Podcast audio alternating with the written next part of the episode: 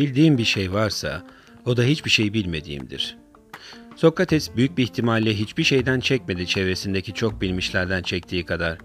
Bunun içindir ki yukarıdaki cümle söylendiğinde insanın kendini bilmesi adına önce hiçbir şey bilmediğine dair bir ön kabule sahip olması gerektiğini savunmuş olmalı. Buradan hareketle gerçek felsefenin cehalete savaş açmak değil, kendi cahilliğimizi kendimize kabul ettirmek olduğu çıkarımına gidebiliriz.'' Atina sokaklarında salt iyiyi, güzeli, cesareti, erdemi, adaleti, özgürlüğü ve bunun gibi insanı insan yapan daha pek çok kavramı aramış, bununla birlikte iyiye karşı kötüyü, güzele karşı çirkini, cesarete karşı korkaklığı, erdeme karşı onursuzluğu, adalete karşı hukuksuzluğu, özgürlüğe karşı bağımlı gururu kendine ilke edinmiş, insanları da savundukları fikirlerin kendilerine hakaret olduğunu anlatmayı görev edinmiş bir filozoftu Sokrates. Ayrıca kendi sonunu kendi yazacak kadar da güçlü bir hayat görüşüne sahipti.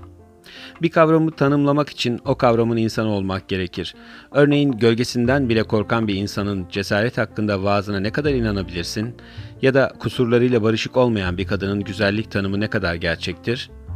İlk defa biriyle tanışıldığında ve sadece laf olsun diye söylenen tanıştığımıza memnun oldum kalıp cümlesi bile başlı başına bir kandırmaca değil midir?'' Hiçbir insan asgari bir ortak noktada buluşmadan diğerinden memnun olamaz. Taraflarca bir memnuniyet oluşması için belirli ve nitelikli bir zamana ihtiyaç vardır. Gerçekte ilk tanışma merasimi memnuniyet değil bir aşinalık protokolüdür. Birçoğumuz zaman içerisinde kavramların değiştiğini farkındayız. Ya kendi özel anlamlarımızı ya da başkalarının vermiş olduğu anlamları yükleyerek farklı bir algı kombinasyonu oluştururuz. Nasıl mı? Örneğin disiplin kavramı. İsterseniz cümle içinde kullanalım. Cümle 1. Bu kadar vurdum duymazlık olmaz hanım. Artık bizim oğlanın sıkı bir disipline ihtiyacı var. Cümle 2. Eğer doğru bir disiplinle çalışırsan tüm derslerinde başarılı olursun. İsterseniz gelin başka bir örnek verelim. Bu sefer de otorite kavramı olsun. Cümle 1. Bu sınıfta öğrencilerde otorite eksikliği var. Cümle 2. Sokrates felsefe tarihinde bir otoritedir. Görüldüğü gibi aynı kavramlar ama farklı münhasır kullanım alanları. Örnekleri çoğaltmak mümkün. Güç, gurur, şiddet gibi.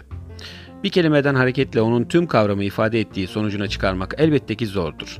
Zira insan evladı yaşadıklarıyla ya da şahit olduklarıyla kendine şartlı veya edimsel koşullanmaları dayıtır ve hayatına anlam katan kelimelerini de bu koşullanmışlık dahilinde erozyona uğratır.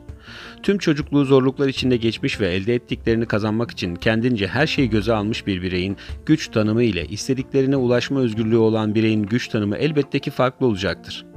Ancak bugünün dünyasına baktığımızda kelimelerin sahip olduğu insanlardan hiçbirini hatırlamayıp kelimelerine sahip olanları ise tarihin getirileriyle birlikte çokça anmaktayız.'' Kanaatimce insanlığın versiyon olarak sıfır ve bir noktası var. Sıfır noktasındaki insan vücut boyutuyla maddeye bağlı ve sahip olma arzusuna yenik düşmüş olan, bir noktasındaki insan ise maneviye bağlı ve ruh boyutuyla şahit olma duygusunu koruyan ve ne kazanması gerektiğini bilen insan.